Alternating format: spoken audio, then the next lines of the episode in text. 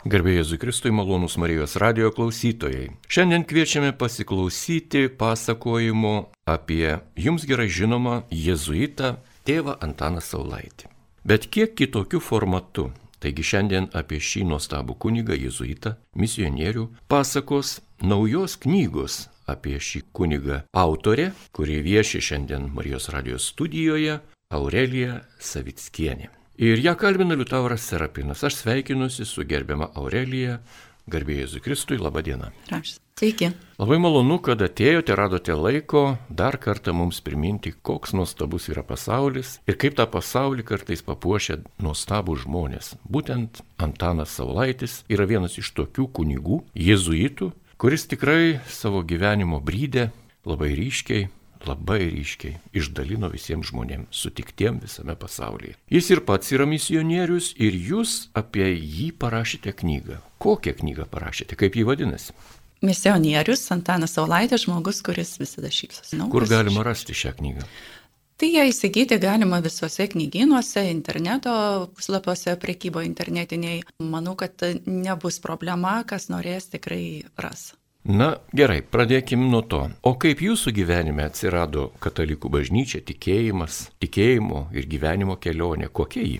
Visų pirma, tai labai ačiū, kad jūs pakvietėte čia ir tikrai malonu pasidalinti savo patirtimi, pažintimi su tėvu Antanu Saulaičiu, o pradedant nuo manęs pačios, tai Dievas tikėjimas visą laiką buvo nuo pat mažumės, nuo mažins, nes mano šeima, mano mama labai yra religinga Ir e, nuo mažens be abejo ėjom į bažnyčią, aš pati būdama pradinėse klasėse pasiprašiau, kad mane leistų gėdoti į bažnyčios chorą, tai, tai ir lankiau ištikimai, labai patenkinta, džiugiai, e, gėdojau iki pat paauglystės, išėjau ne dėl to, kad paauglystė atėjo, bet e, dėl to, kad tiesiog keitėsi vadovai ir labai buvau prisirišus prie savo ankstesnės vadovės, tai tiesiog nenorėjau tos skaitos.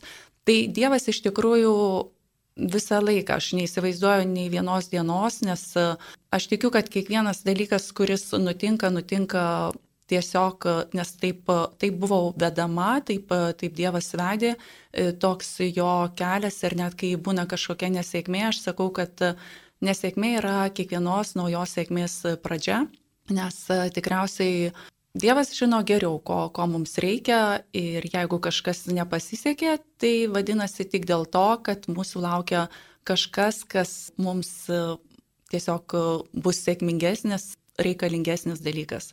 Taip iš tolo pradėjome, dažnai būna užduodamas klausimas jūsų tikėjimo ir gyvenimo kelionė, liktai tai būtų atskirai. Pasitaiko, kad yra tokių dalykų. Vienaip elgesi bažnyčioje, tikėjimo, draugų tarpe, visiškai kitokie yra, yra ir namuose galbūt ar darbe.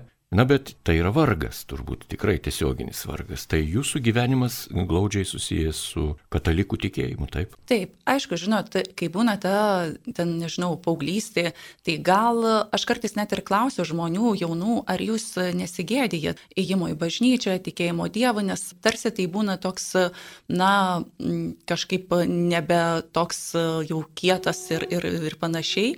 Tai toj tokioj paauglystėje, manau, kad dažnas mūsų išgyvena, kad truputėlį slepia tą tokį tikėjimą, kad aš stipriai tikiu. Bet vėliau supranti, kad to tikrai ne tai, kad nereikia slėpti, tai mes be to esam neatsiejami ir kiekvienas iš mūsų tikrai tiki, kad aukščiau mūsų yra kažkas, kas, kas mus veda, kas mus lydi, kas mus saugoja, globoja ir už ką mes kiekvieną dieną dėkojam. Aš iš tikrųjų už tai, ką turiu, aš kiekvieną dieną ir dėkoju Dievui. Kartais galvoju, kad gal ne viską esu nusipelniusi, bet gal avansų tiesiog gaunu. Gyvenime kažkokiu būdu į jūsų gyvenimą įžygiavo tėvas Antanas Saulaitis, jėzuitas misionierius. Ar jūs pas jį atėjote, ar jis jūs surado? Čia, vad, žinokit, aš irgi sakyčiau, kad tikriausiai irgi buvo taip Dievo nulemta, nes aš pati esu žurnalistė televizijos laidų Ir buvo toks vienas, viena tokia buvo istorija, kai aš turėjau vykti į Braziliją ir labai svajojau ir labai norėjau, ir, nes pati labai mėgstu keliauti, bet tiesiog taip susiklosti, kad į tą Braziliją neišvykau, bet man vis tik reikėjo pasakojimo apie ten gyvenantį žmogų, ten gyvenantį žmogų pažįsta tėvas Antanas Saulaitis. Tai taip mūsų keliai suėjo, tai buvo pirmas interviu ir, na, po kokių gal metų aš jam skambinau dėl kito pokalbio, jau kažkokia kita istorija. Ir labai buvau nustebinta, kad man čia iš karto pasirodė, koks tai yra žmogus dėmesingas kiekvienam, nes, na, žinot, vieną kartą pabendrauji su žmogumi ir, ir jis tiesiog net neįsidėmi tavęs. O čia aš, kai jam paskambinau, jis iš karto sveiki Aurelija ir man taip, kad vat, kažkaip įsidėmėjo, įsivedė tą numerį ir, ir tas toks iškart ryšys. Na ir tai prasidėjo vienas, kitas, trečias kažkelintas tas pokalbis, mūsų interviu ir po to buvo mūsų tiesiog tokia asmeninė mano šeimos, mano su vyru šventė. Mes darėm 15 metų santokos sutoktyvių tokią šventę ir aš norėjau labai bažnytinio palaiminimo. Ir be abejo, kad į nieką kitą aš jau nesikreipiau, tik į tėvą Antaną Saulaitį. Tai ir po to, vad kažkaip aš tiesiog išdrįsau jo paklausti, ar jis sutiktų, jeigu būtų apie jį rašoma knyga. Sutiko.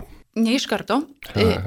Žinot, taip man pačiai buvo nedrasu klausti, nes tai yra žmogus visą gyvenimą rašantis. Jis pats save ir vadina ir žurnalistu, ir jis yra išleidęs 37 leidinius. Tai, žinot, ateiti ir pasakyti žmogui, kuris puikiausiai pats tą padarytų, ar be to turi aplink savo ratą žmonių, kurie jį kur kas ilgiau pažįsta negu aš ir kurie taip pat galėtų puikiausiai parašyti e, knygą apie jį, o man kažkaip pažįstančiai, na nežinau, kiek ketverius, penkerius metus buvo nedrasu, bet e, aš turiu tą tokį, šiaip aš nesu, aš esu gal kuklus žmogus, bet turiu tą tokį gyvenime šūkį, kad pabandyk, nes neturi ką prarasti, tai tuo šūkiu vadovaudamasi aš tiesiog išdrįsau jo paklausti, nors labai nedrasiai, Ir tas atsakymas nebuvo iškart teigiamas, bet jis, na, jūs jį pažįstate, tai suprantat, kad tai nebuvo kažkoks e, griežtas, e, piktas ar panašiai. Jis tiesiog pasakė, kad gal dar per anksti. Ir tada tai buvo vasara, o per kalėdas aš gavau kalėdinį sveikinimą ir prie to kalėdinio sveikinimo buvo pridėtas sakinys, kad galim rašyti knygą. Tai man čia be abejo, kad buvo dovana, ne tik kalėdinė, bet tai viena iš didžiausių gyvenimo dovanų, nes po to aš tiesiog kiekvieną kartą su juo bendraudama, kiekvienas susitikimas man buvo duotybė, man tai buvo dovana ir uh, net mano draugė sakė, tai tu turi nuostabų laiką, nes uh, prieini prie žmogaus, prie kurio iš tikrųjų nori prisiliesti labai daug kas. Aš matydavau, kaip atvažiuoja iš kitų miestų ir jis visus priima, jis visiems randa laiko, su visais bendrauja, o kiekvienas pabendravęs gauna gauna kažkokią tikrai šviesą, kurią pats Antanas Saulaitis spinduliuoja ir kiekvienas iš jo išėjęs Aš tą galiu drąsiai pasakyti dėl to, kad buvo keli susitikimai ir, ir į kuriuos kviečiausi pažįstamus žmonės ir po to man jie rašė, kad, sako, aš išėjau pakilėta, aš pakilėtas, aš vis dar tame susitikime, aš daug ko pasisėmiau ir ar būtų galimybė kažkokiu būdu tėvą Antaną pasikviesti pas mus į vienokį ar kitokį suėjimą. Tai žmonės tikrai labai daug gauna, tai man, tai be abejo, kad tos knygos rašymas, tie pokalbiai, tai buvo daugiau nei knyga. Turbūt šioje vietoje galima paminėti, jog tėvas Antanas yra ne vien asmuo toks, na, ypatingai kūrybingas, jautrus ir be galo turintis didelę gyvenimo patirtį, bet jis dar yra ir kunigas. Ir mes sutinkame daug įvairių kunigų, jie yra visiškai mūsų aplinko žmonės, iš mūsų atėję ir su mumis būnantis ir taip toliau. Jeigu reikėtų truputėlį pakalbėti viešai apie tėvo Antano kunigystę, kokia ji, kaip ji jūs pasitiko, ar jis jūs labiau palėtė kaip asmuo, tai yra privačiai, personaliai, ar kaip kunigas, kaip visuotinės bažnyčios išrinktas, pateptas žmogus, ganytojas. Tėvas Antanas iš tiesų yra tas žmogus, kur kiekvienas, kas jį žino, prideda tokį sakinį, kad jis yra tikras kunigas. Tai yra žmogus, kur mes tikrai kartais girdim tų skeptiškų minčių apie bažnyčią ir, ir dvasininkiją, bet jis yra žmogus, kuris, na, iš tikrųjų tarnauja visą savo sielą ir Dievui, ir žmogui. Tai ir, ir ta pažintis su juo man, nežinau, jis, jis kunigas, bet, bet tuo pačiu jis labai žemiškas, prieinamas. Aš net iš vaikystės turiu tokį pavyzdį, kaip mama sakydavo, kad, na, jeigu jau kažkoks geresnis maistas, tai čia jau dievų valgis. Tai tėvas Antanas yra iš tikrųjų labai, na, prie kiek, jis prie jo gali prisiliesti kiekvienas, nes jis, jis pasiekiamas, jis nėra kažkoks nuo žemės atsispyręs, bet taip jis yra Dievo tarnas ir jis žmogus, kuris be galo teisingas, labai tolerantiškas, o ta teisybė, kad, na, ne kiekvienas, aš nežinau, man atrodo, kad ne kiekvienas kunigas pasakytų, jog kritikuoti bažnyčią ne tik, kad galima, bet net ir reikia. Nes būtent tėvo Antano yra tokie žodžiai. Na, aš manau, kad visi mes esam tokie, kuriuos galima ir reikia kritikuoti. Mes iš kritikos mokomės.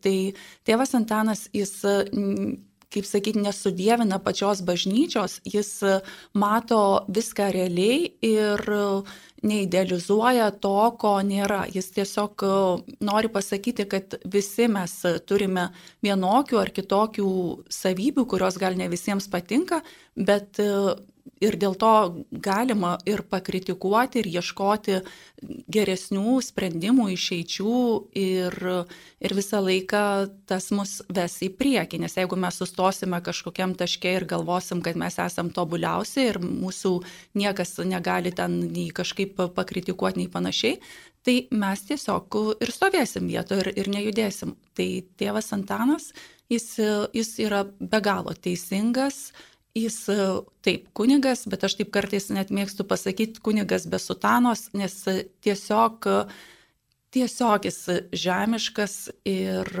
ne, neatsispyręs ir, ir be abejo, kaip sakau, pasiekiamas labai.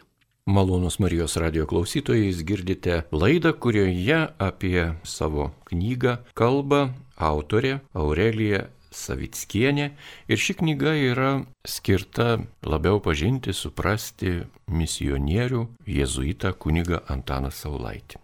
Gerbima Aurelija, ar daug knygų yra parašyta apie kunigą Antaną Saulaitį?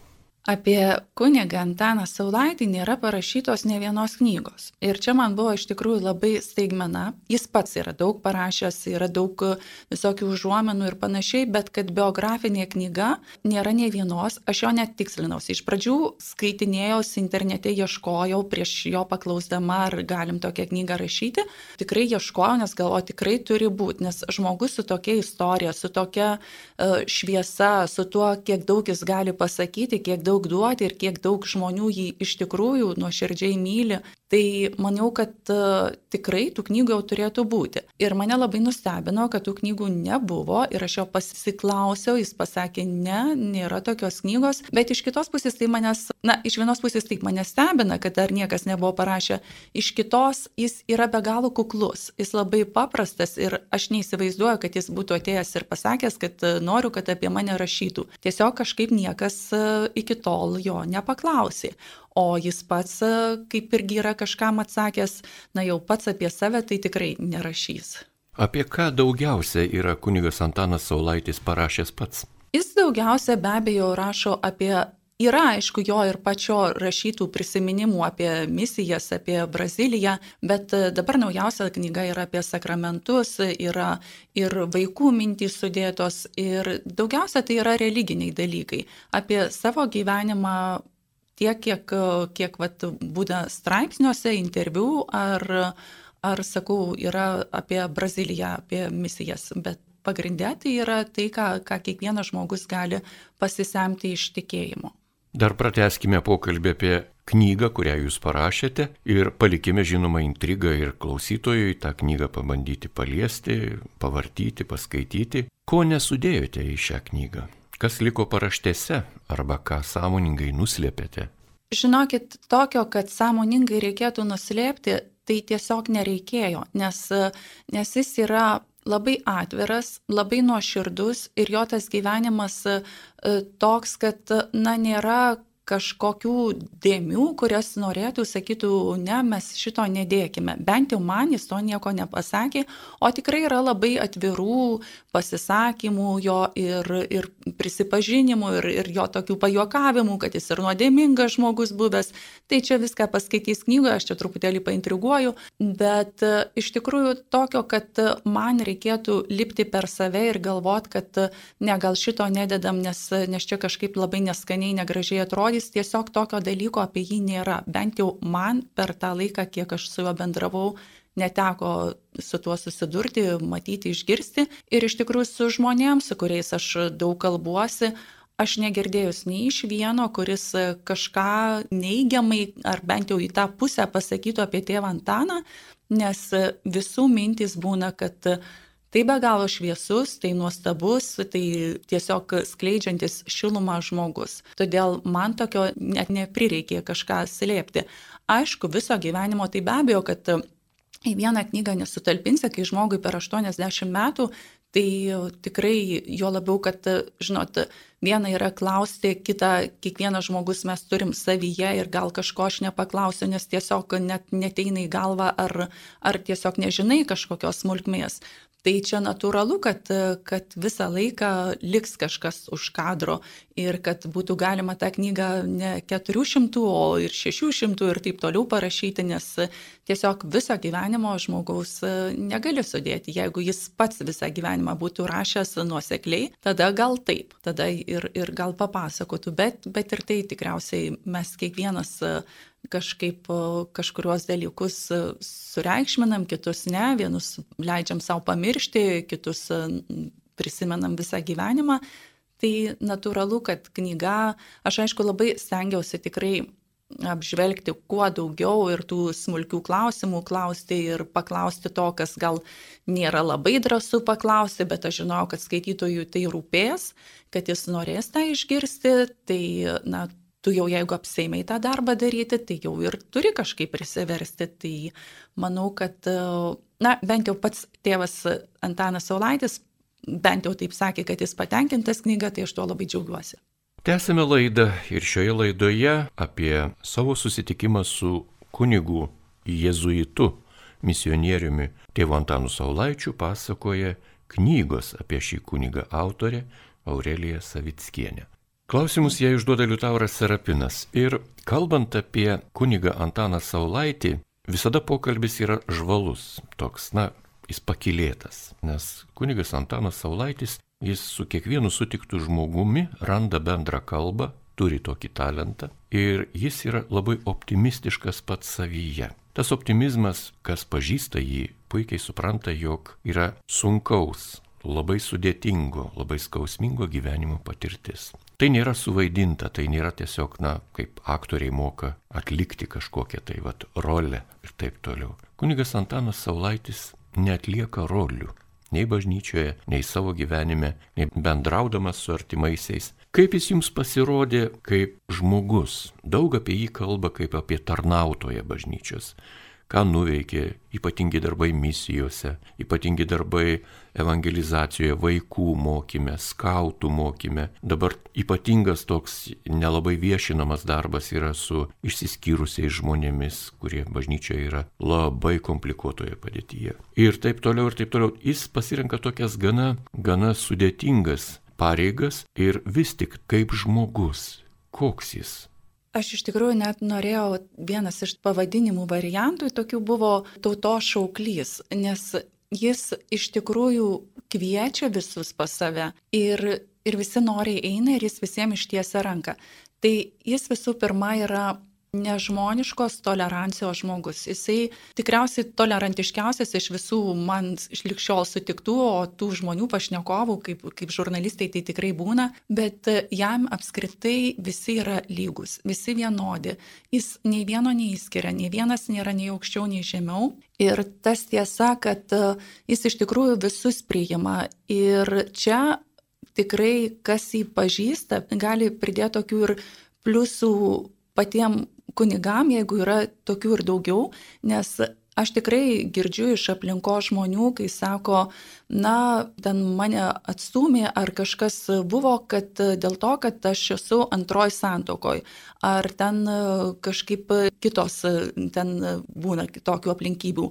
Tai tėvas Antanas jis iš tikrųjų, jis tas žmogus, kuris jam jis neišskiria nieko. Ir pavyzdžiui, tokie pavyzdžiai, kad kaip jisai pasakojo, kad kiti vat kritikuoja, jeigu ėjo jis 14 mečio, nusižudžiusio 14 mečio laidotuvės. Sako, tai kaip galima neiti, jeigu ten šeima ir taip jau kenčia, jau ir taip išgyvena, jau ir taip skausme, tai jeigu dar ir dvasininkas nusisuks, tai kaip jam toliau gyventi.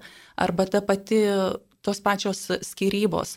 Tai jis sako, tai kaip gali moteris gyventi su smurtaujančiu vyru ir, ir tiesiog tą kentėti, tai ji pati tiesiog pasirenka tą kančią, kam to reikia. Tai jis be abejo, jis labai labai teisingas, jis, nežinau, sąžiningas prieš kiekvieną ir tas jo toks ir patriotizmo klausimas, jis be galo mylintis Lietuvą. Jis yra patriotas nuo ten, nežinau, nuo plaukų svaugunėlių iki kaulų čiulpų.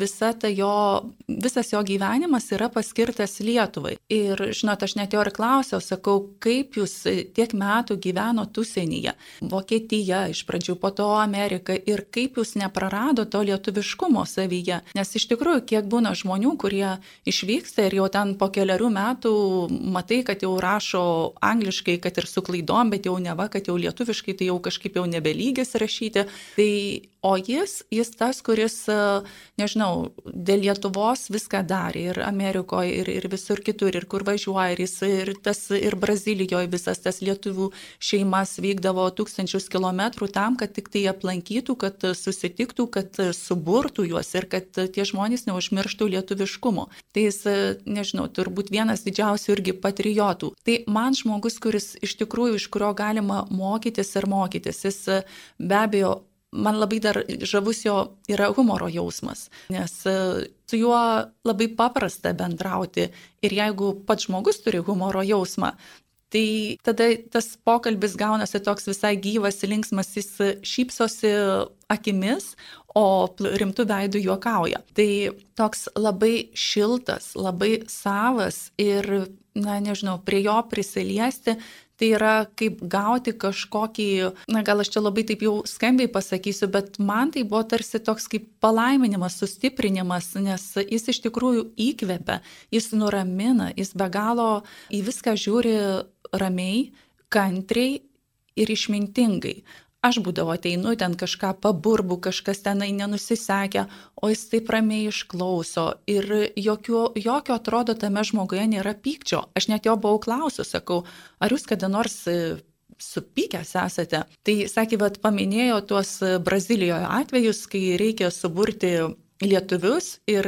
ten ne tik, kad tuo metu ten telefonų nebūdavo, bet e, reikia pas kiekvieną važiuoti, ilgai kalbėtis, e, kaip jis juokauja, gerti daug kavytės ir, ir tik tada kažkokiu būdu pakviesti, va ten trečiadienį ateikit į mūsų susibūrimą. Tai sako, būdavo kartais tokių jau, jau kaip ir nuovargio ir to net pykčio, Bet šiaip žmogus, e, iš kurio gali pasisemti tikrai daug, daug ramybės, daug kantrybės, daug tolerancijos, išminties, nes, na, jis tiesiog šviesulys, o net pavardė Saulaitis, kai tikrai toksai saulės žmogus ir mėgstantis beje saulė gražas, sodinantis savo kiemelėje jesuitų.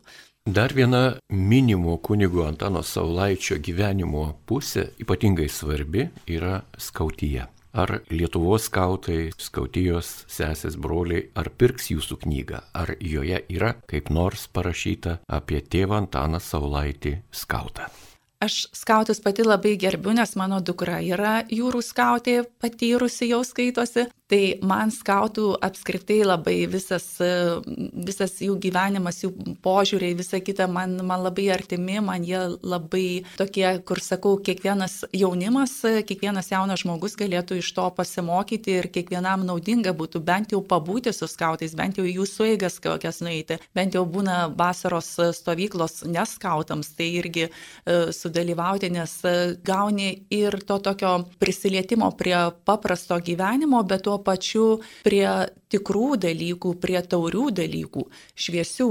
Tai taip, knygoje tikrai yra apie tėvo Antano patirtis skautavimo metais, nes ir jo pačio tėvai buvo skautai, tai jau jam čia kaip ir šaknyse užfiksuota ir jis be skautijos savęs neįsivaizduoja ir aš šį vasarą vežiausi į savo dukros e, irgi skautų vieną suigą, tai buvo neseniai po operacijos ir taip sunkiai vaikščiodamas, bet vis tiek tuo miškeliu ėjo, vis tiek pasakojo apie save ir dalinos, dalyjosi su jaunais tai žmonėmis savo patirtimis, savo žaidimais, nes jam skautai tai iš tikrųjų yra labai brangus dalykas ir kas yra skautas, tas tikrai kiekvienas supras, nes tai jau nebe šiaip kažkoks pasižaidimas, tai yra visas gyvenimas, tai yra gyvenimo filosofija. Be jokios abejonės mes Lietuvoje regėjome tėvą Antaną Saulaitį labai laimingą. Tai vyko tuo met, kai buvo švenčiamas skautijo šimtmetis ir buvo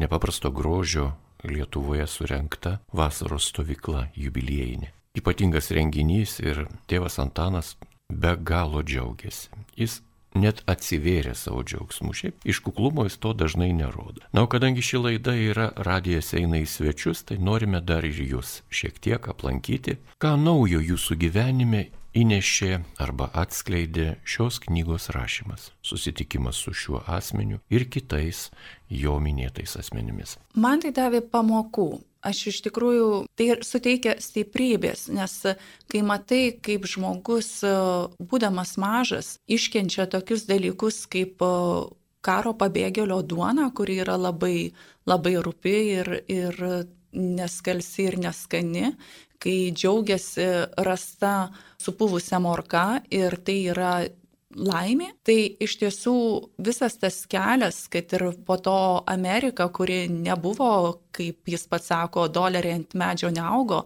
tai parodo, kad mes kiekvienas e, turim savo kelią, kad mes kiekvienas galime eiti iš kiekvienos nesėkmės pasiekti sėkmę ir mokėti džiaugtis mažais dalykais. Tėvas Antanas moka džiaugtis tokiom atrodytų kitam smulkmenom. Gauna gražią gėlių puokštę, jis man atsiunčia nuotrauką, kaip, kaip pas jį žydį namuose. Ir kaip pas jį užklysta naktį šikšnosparniai, jis tuo irgi džiaugiasi. Jam atrodo, kiekvienas toks kitam mažas dalykas, jam yra gražus, svarbus ir Dievo sutvėrimas. Ir to vat mokytis iš tiesų mes kiekvienas turime, kaip vertinti e, kiekvieną mums suteiktą, kad ir mažą atrodytų, bet gyvenimo dovana, kur yra mums tiesiog duotybė, tiesiog kaip dovana ir, ir brangi ir, ir, ir verta, kad mes ją džiaugtumėmės ir mokėtume būti laimingi. Tai šią knygą rašant aš iš tikrųjų labai stengiausi iš jo mokytis, kaip minėjau, tolerancijos, nes tolerancijos mums tikrai visiems trūksta ir jos nebus per daug, tai kad tą pasiektume, mes turime kiekvieną dieną galvoti, ką mes darom, kaip darom, kaip elgiamės, kaip kalbame ir pamastyti, kaip reikėtų būti bent kažkiek geresniu žmogumi. Ar tapote misionierė jūs, ar jūsų šeima tapo misionieriais, o gal tokiais būsite ateityje? Čia žinot, apie misijas aš galvoju, kad uh, kiekvienas žmogus tikriausiai, aš tikiu, kad kiekvienas žmogus ateina su vienokia ar kitokia misija, kad uh, mums kiekvienam yra duotas kažkoks uždavinys Ir gal ne kiekvienas mes tą misiją įsigryninam, gal ne kiekvienas ją suprantam per gyvenimą, bet e, norėtųsi, kad iš tikrųjų kiekvienas iš mūsų stengtųsi, kad ta kiekviena diena būtų prasminga. Ir dabar tą prasme, žinot, labai labai paprasta šiomis dienomis tas dienas padaryti prasmingomis, nes mums gal nereikia kiekvienam vykti į Braziliją ar Afriką, mes galime čia savo šalyje, savo mieste, galime savanoriauti. Iš tikrųjų, savanorystė visada buvo dabar, kai yra atvykusių ukrainiečių šeimų padaryti tą dar lengviau.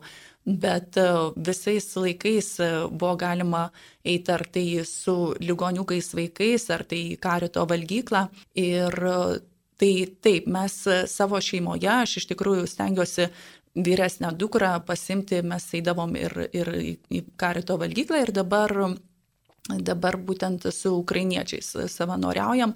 Tai manau, kad čia kiekvienas žmogus gali, jei tik tai nori, savo kasdienybę kažkaip įprasminti, kad nesiskūstų, kad oi, aš čia neturiu ką veikti arba man kažkaip nuobodu gyvenime ir panašiai. Tai čia tiesiog nuo kiekvieno sąmonės, nuo kiekvieno noro, nuo kiekvieno širdies priklauso, kiek tu savęs gali kažkam kitam atiduoti, nei tik tai telefono žiūrėjimui ir, ar televizoriaus ir panašiai. Tai manau, kad jeigu tik yra noro, tai kiekvienas savo vietą žemėje tikrai ras.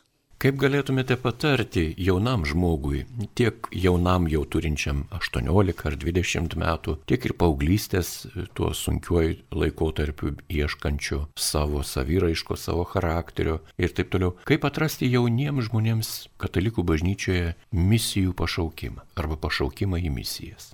Aš galvoju, kad visų pirma reikia nebijoti savęs ir nepamesti savęs, nes aplinka jaunam žmogui daro labai didelę įtaką ir mes iš tikrųjų bijom kartais pasirodyti tokie, kokie esame savo tą švelnėją pusę, savo tą gražiąją ir kartais atrodo, aš būsiu kažkaip labiau mėgstamas, jeigu būsiu kažkoks piktesnis, įžulesnis ir panašiai. Tai tą vat savęs nepraradimą. Čia mes kaip tėvai, manau, kad kiekvienas mokome savo vaikus, nes e, jeigu tu esi savimi patenkintas, jeigu tu esi drasus viduje, tau iš tikrųjų gyvenime bus ir lengviau, ir paprasčiau, ir tu nepametę savęs, tau nereikės savęs ir ieškoti.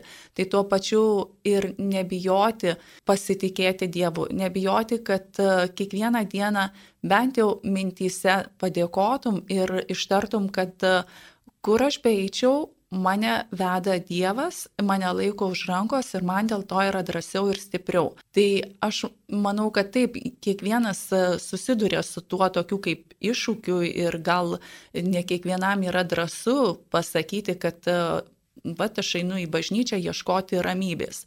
Bet e, tuo pačiu tokių žmonių yra aplinkui daug ir jeigu vienas slepia, kitas slepia, o jeigu kiekvienas išdrįstų kažkaip drąsiau kalbėti, pamatytų, kad tikrai jo aplinka yra apsupta tokių žmonių arba tiesiog tada natūraliai atkrenta tie žmonės ir pasilieka tie, kurie tavo pažiūrų, tavo minčių ir kurie tave supranta ir neverčia tavęs keistis. Tai man atrodo, tiesiog reikia surasti tą savo aplinką, o jie atsiras natūraliai, kai nebijosi būti savimi.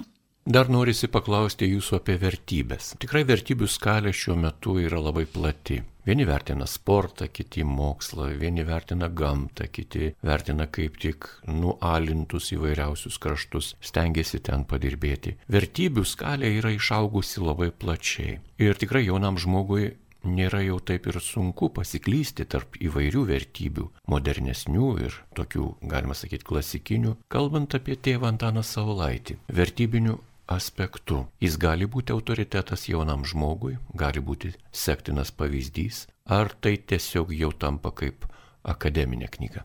Aš to net nebejoju, kad jis ir yra dažnam jaunam žmogui, kuris jeigu tik tai nors kiek prie jo prisilietė, kad jis yra autoritetas. Dėl to, kad, kaip ir sakiau, jis yra labai žemiškas, jis yra labai paprastas. Ir jeigu tik nori, jis tave priims. Ir kiekvienas jo žodis yra išmintingas, jis nėra pamokslaujantis, jis nėra barantis, jis nėra piktas, jis tiesiog išklausantis, labai ramiai išklausantis, labai supratingai ir iš jo gali semtis tos išminties. Ir be abejo aš net nebejoju kad tikrai ir mano aplinkoj yra jaunų žmonių kurie būdami dar jaunesni pas jį kreipėsi jį prisimena su juo bendravo ir tas paliko įspūdį visam gyvenimui. Tai tikrai dabar, kai išėjo ši knyga, aš išgirstu ir iš vieno, ir iš kito, ir iš trečio savo aplinkos žmogaus, kuris sako, taip, vat čia prieš daugelį metų aš jį buvau susitikęs ir man padarė įspūdį visam gyvenimui, kad jis yra tas šviesus žmogus, tas šviesus kunigas, į kurį aš galėčiau bet kada kreiptis. Tai aš nežinau, nuo ko tai priklauso, tai yra tiesiog žmoguje, jo gyvenimo kelias, jis taip ėjo į, į tas grūdį nu, ir visos jo įgytos pamokos susidėjo, nes jis iš tiesų yra be galo išmintingas, jis, kaip sakiau, turi humoro jausmą ir kartais pajuokauja, kad aš nesu labai protingas žmogus, tai čia tik protingas žmogus taip gali ir pasakyti. Tai iš jo galima semtis e, tų pamokų ir jis yra ištisa, kaip sakyti, švietėjiška knyga, jis pats toksai. Ar turite sūnų? Ne, aš turiu dvi dukras. Gal dar turėsite? nu, čia jau užduot. Kaip Dievo planai duos. nežinomi. Jeigu turėsite sūnų, ar leistumėte jiems tapti tokiais misionieriais kaip tėvas Antanas Saulaitis? Aš galvoju, kad, žinot, kiekvienas e, gali ir dukra vykdyti įvairias misijas. Tai jeigu man atrodo, kad apskritai tėvų užduotis yra palaikyti savo vaikus, palaikyti juos už rankų, kai jie priima sprendimus ir jokių būdų nei nurodyti, nei prieštarauti, tiesiog e, pritarti ir laiminti jų tą pasirinkimą, nes jeigu mes tėvai uždrausime kažką daryti arba kreipsime per prievartą į kažkuria kitą pusę, tai tas vaikas tiesiog jis nebus nei laimingas, nei patenkintas savo kelyje. Ir aš šito paties esu klaususi tėvo Antano, kaip jo šeima reagavo, kai jis pasirinko kunigystę. Tai niekas, jam be abejo, niekas neprieštaravo, džiaugėsi, laimino Ir manau, kad dėl to jam ir sekėsi, dėl to jis ir laimingas savo kelyje, nes tai nebuvo nei kažkieno, nei jo dėstytojų, jis iš pradžių juk studijavo chemiją ir buvo jezuitai dėstytojai, irgi klausiau, sakau, tai gal čia jie kokią įtaką darė. Ne, čia buvo jo pasirinkimas, jo kelias ir kai mes kiekvienas savo priimam sprendimą, pasirenkam savo kelią, tai mes jau ir einame laimingai, nes nesidairome, kaip galėjo būti, jeigu aš būčiau kažko kito, kažką kitą įdaręs, kaip norėjau, bet man kažkas patarė, arba, arba tiesiog rinkausi, nes finansiškai galvojau, kad taip labiau apsimokės. Tai jeigu klausai širdies, na, mano čia tokia filosofija gyvenime, kad reikia klausyti širdies. Tai jeigu klausaisi, tai ir esi tame kelyje, kuriame tu turi būti. Ir jeigu dar tiki, kad Dievas tave veda ten, kur reikia eiti, tai ir esi laimingas.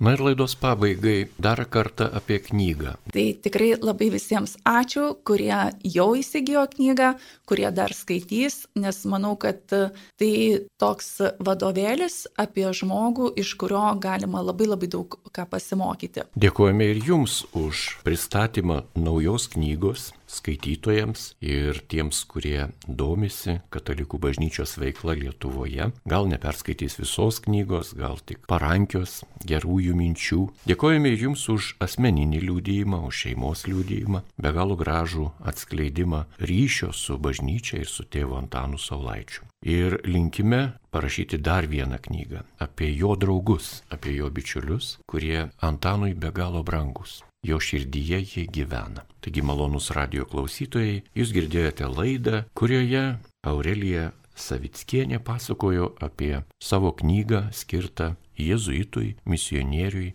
tėvui Antanui Saulaičiui. Likite su Marijos radiju.